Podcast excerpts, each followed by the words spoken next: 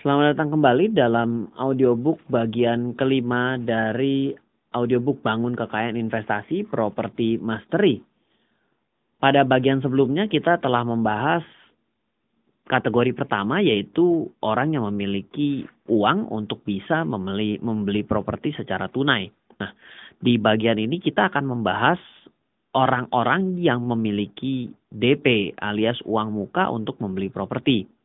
Ya mungkin Anda akan bertanya, wah kalau orang yang sudah punya uang mukanya, seharusnya kan nggak jadi masalah untuk pelunasannya. Oke, jadi sebenarnya kalau dibicarakan orang yang sudah punya DP-nya, bisa jadi juga ya dari orang sekitar yang saya yang saya temui juga bahwa mereka sebenarnya bukan punya uang untuk DP-nya tapi mereka diberikan uang misalnya sama orang tuanya atau dari warisan sehingga bisa membeli propertinya secara DP-nya gitu ya.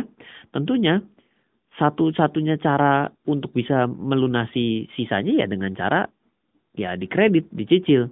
Yang paling bagus ini ya cicil dicicil sama ke keluarga gitu kan. Karena ada teman saya karena begitu kaya keluarganya akhirnya dia cicil ke keluarganya. Wah itu udah paling enak. Yang namanya cicilan tanpa ngerepot.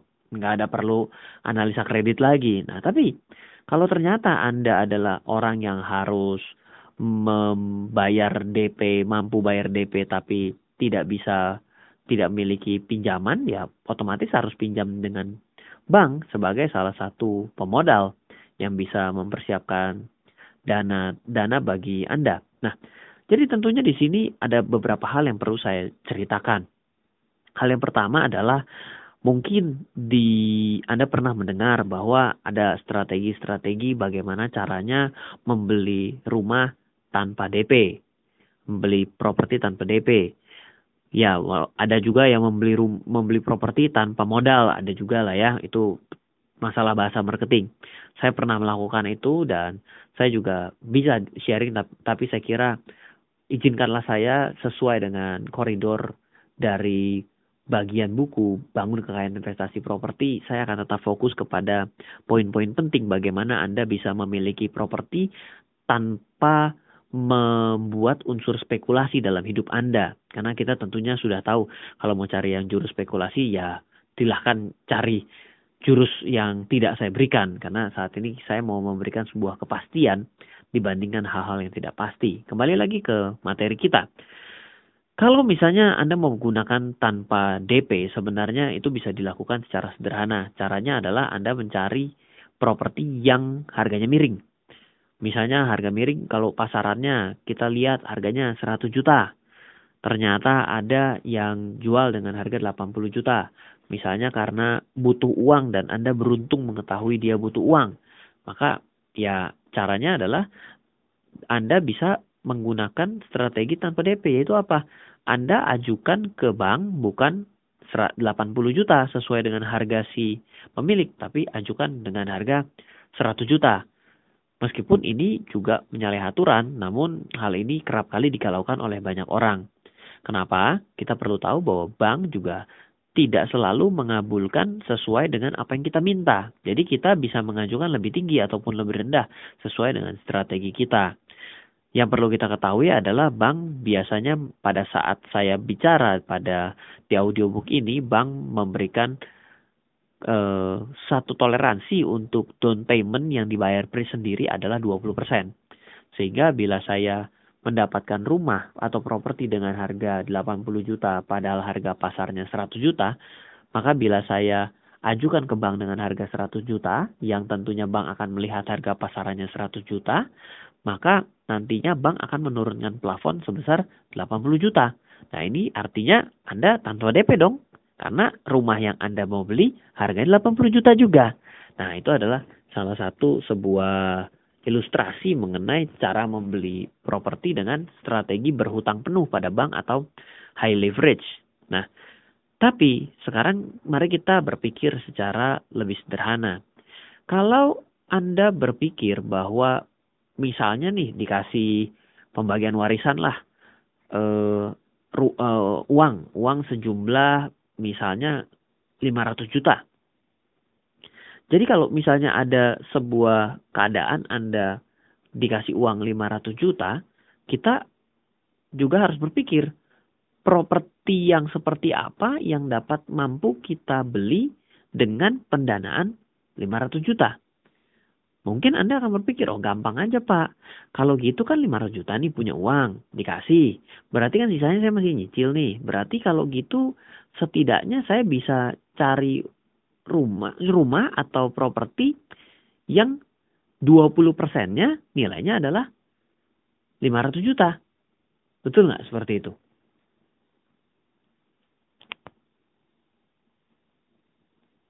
Oke, baiklah. Mungkin masih agak bingung. Seperti ini, saya ulang sekali lagi. Kalau misalnya Anda punya uang 500 juta dari warisan, Anda itu mau dijadikan DP, maka tentunya Anda berpikir untuk bisa mencari properti dengan harga dua setengah miliar. Kenapa? Loh, dua setengah miliar itu kan 20 persennya 500 juta. Dan bank itu kan mau mendanai 80 persen. Karena kan aturan bank mau mendanai 80 persen. Berarti saya tinggal cari rumah dengan harga properti dengan harga dua setengah miliar. Oh, nanti dulu. Ini menjadi suatu hal yang bermasalah. Masih ingat mengenai biaya-biaya? Nah, ini harus kita perhitungkan. Mengapa? Karena kita tahu yang namanya membeli properti ada disebut dengan pajak, pajak penjual dan pajak pembeli. Lalu ada lagi e, kalau kita yang namanya KPR, kita tentunya ada biaya appraisal, asuransi jiwa, biaya provisi, dan administrasi. Nah, itu justru harus kita perhitungkan. Kalau tidak, kita akhirnya akan kekurangan dana. Nah, contohnya, kalau misalnya, kalau misalnya nih, saya contohkan yang lebih sederhana lagi. Kalau saya punya properti ya dengan harga nilai seperti saya contohkan sesuai sama yang seperti yang di buku ya 500 juta. Kalau kita mau membeli properti senilai 500 juta, seumpamanya bank mau mendanai 30 persen, mendanai 30 persen, artinya kan berarti kita perlu punya DP sendiri 150 juta nih. Ya, berarti saya mau beli rumah dengan harga 500 juta, saya kalau mau DP sama bank, bank berarti akan minta uang saya, misalnya banknya mau 30%. Berarti saya harus keluarkan 30%. Yaitu berarti dari 500 juta, berarti saya harus punya uang 150 juta. Nah, tapi kita lupa bahwa ada biaya-biaya. Nah, ternyata kalau kita perhitungkan, biayanya misalnya yang sudah jelas ya, kita akan bayar pajak pembeli. Lalu ada juga eh, biaya-biaya notaris biaya untuk appraisal dan lain sebagainya itu kurang lebih ternyata kita perlu mengeluarkan uang 30 jutaan. Sehingga otomatis kita harus menyiapkan uang bukan 150 juta, tapi sebesar 180 juta. Seperti itu. Nah, kalau misalnya mau mendapatkan informasi untuk kalkulator sederhana untuk hitung-hitungan seperti ini, jangan repot bahwa seperti yang ada di buku Bangun Kaya Investasi Properti juga saya sertakan, maka bisa buka www.ryanfilbert.com garis miring PRO huruf besar. Nanti di situ bisa login. Loginnya investor, tulisnya ya, username-nya investor, huruf kecil semua. Passwordnya angka 6, huruf Juni, J-U-N-I, 2015. 6 JUNI 2015. Jadi bisa di-download Excel-nya dan di situ kita bisa lihat bahwa untuk rumah second maupun rumah baru itu ada dana kebutuhan dana minimum secara estimasi berapa yang harus kita siapkan untuk DP. Nah, selain daripada itu kita juga harus tahu bahwa sebagai seorang pembeli properti dengan menggunakan yang namanya kredit, kita harus di bank harus layak kredit. Layak kredit sebenarnya yang pertama adalah dimulai dengan eh, analisa 5C, di mana kita akan dilihat apakah kita punya rekam kredit yang tidak baik, yaitu disebut dengan kolek. Nah, kalau misalnya kolek satu, kolek dua, berarti itu aman. Tapi kalau tidak lewat dari sampai yang tiga, empat, sampai lima, berarti nantinya kita akan sulit. Dan satu lagi, kita juga harus kira-kira apakah kita mampu membayar cicilannya. Kenapa? Karena yang namanya bank tentu akan tanya, kalau saya kasih pinjaman, setiap bulan kamu mampu bayar nggak? Nah, itu ada namanya analisa kredit. Jadi kalau kita bisa melihat analisa kredit, itu kita akan lebih baik, kita bisa jelas. Nah, contohnya, seumpama nih, kalau misalnya saya mau beli properti, properti yang harga jualnya adalah 500 juta. Sudah jelas bahwa kalau 500 juta saya bisa DP 30%, berarti saya harus siapkan untuk DP-nya sendiri adalah 150 juta seperti tadi dan biaya-biayanya adalah sebesar 30 juta. Sudah sesuai tuh dengan yang tadi kita ceritakan. Nah, kalau misalnya kita mau kredit, katakanlah kita mau kredit ke bank dengan besaran bunga pinjaman adalah sembilan setengah persen. Nah, kalau kita untuk sembilan setengah persen, ternyata bila kita mau kredit dengan kurang lebih 60 bulan atau 5 tahun saja, maka dengan penghasilan per bulan adalah 20 juta, itu tidak layak. Saya ulang ya, mungkin akan bingung, saya ulang dari awal. Bila seumpama saya perlu saya mau beli properti dengan harga 500 juta, saya DP 30 persen, yaitu 150 juta, maka saya perlu siapkan uang 180 juta. Sudah clear bahwa 150 juta untuk bayar DP, 30 juta untuk siapkan bayar ini itu dari biaya. Nah, sekarang tinggal ditanya, Bang akan tanya dong sama kita, akan cicil berapa lama nih Pak? Bu, mau cicil berapa lama? Nah, ini dia kita harus bisa menjawab berapa lamanya. Kenapa? Kalau kita salah menjawab berapa lamanya, bisa saja kita punya uh, cicilan bisa tidak disetujui. Contohnya ya, bila saya punya penghasilan 20 juta per bulan, lalu saya mau, mau ngutang ke bank 350 juta tuh yang tadi saya sudah DP-in, dengan bunga bank pada saat itu adalah 9,5 persen, maka saya harus nyicil di atas lima tahun baru layak. Seperti itu. Jadi ada sebuah kriteria kelayakan bank. Nah, di mana kriteria, kelayakan bank ini sebenarnya mengukur. Karena yang tadi dalam contoh adalah 20 juta, maka bank mengukur. Kayaknya kalau 20 juta nggak mampu deh bayar sebesar e, 5 tahun atau cicilan setiap bulan 7,3 juta. Kenapa? Karena itu lebih melebihi daripada 30%. Karena apa 30% dari penghasilan kan 6 juta. Artinya harus 40%. Wah, itu sangat beresiko bagi bank. Jadi ada namanya analisa kelayakan kredit. Hal ini harus kita pelajari. Agar apa? Agar kita tidak salah dalam mengalokasikan berapa kemampuan kita untuk bayar dan berapa lama jangka waktunya. Seperti itu. Jadi hal ini sangat penting bagi orang yang mau melakukan pembelian secara DP, sudah punya DP-nya tapi kadang-kadang salah menyiasati bagaimana menyiasati kredit di banknya. Nah, kalau kita mau lebih jauh lagi, kita harus tahu bahwa kredit di bank itu bunganya bisa macam-macam. Yang paling biasa terjadi saat ini adalah bunganya disebut dengan bunga fix and cap.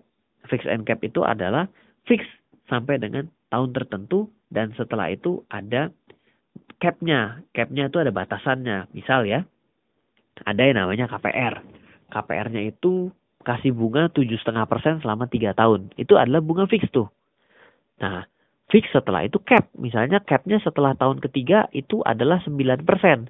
Jadi, bila pada tahun ketiga setelah kita mulai nyicil tujuh setengah persen itu akan dilihat banknya. Oh ternyata bunga bank yang berlaku sekarang 12 persen.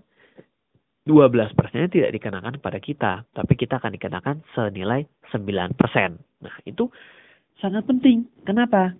Ternyata kalau nanti kita pelajari dengan lebih baik bahwa yang namanya bunga dengan fix yang sangat uh, pendek jangka waktunya, misalnya hanya satu tahun, itu akan cenderung merugikan kita.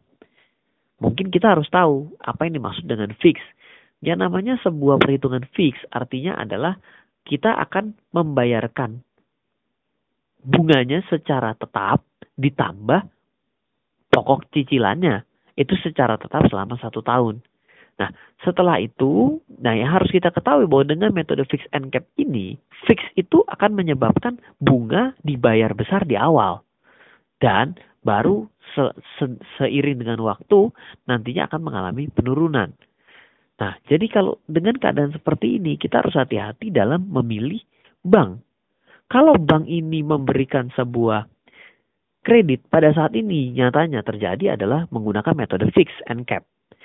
Dan kalau kita gunakan fix and cap, maka kita harus pastikan memiliki bank yang bunganya tidak terlalu dekat fixnya. Misalnya satu tahun saja fixnya, itu sangat berbahaya. Kenapa? Coba nanti Anda juga setelah download yang namanya kalkulator yang saya berikan, itu Anda coba mainkan, Anda coba lihat bahwa ternyata dengan bunga bank yang fixnya sedikit, itu ketika dilepas fixnya, harus masuk ke dalam cap. Setelah itu masuk ke dalam floating, maka kita akan mulai berat dalam membayar. Cicilan kita akan naik. Coba bayangkan, kalau ternyata Anda sudah ngepas-ngepasin cicilan dengan 6 juta per bulan kemampuan Anda. Ternyata setelah itu anda mengalami kenaikan cicilan, nggak sakit gigi, nggak sakit, nggak pusing, tentunya akan menjadi kepusingan tersendiri. Dan inilah mengapa banyak orang yang nyicil justru menjadi tidak sanggup bayar setelah fixnya dilepas. Bunga fixnya dilepas, dia masuk ke dalam cap dan capnya sudah berat, capnya lepas, dia akan masuk ke dalam floating. Kenapa? Floating dari bunga bank itu akan mencekik ketika masih dalam jangka waktu yang pendek. Kita harus sangat berhati-hati. Kenapa? Karena ketika kita sudah salah melangkah dalam properti, kita akan sangat bermasalah karena tidak bisa liquid dalam waktu cepat. Karena kita harus memperhatikan banyak faktor dan kalau kita mau liquid dengan cepat, siap-siap harganya jadi rusak. Demikian dari audiobook Bangun Kekayaan Investasi Properti Mastery bagian bab kelima.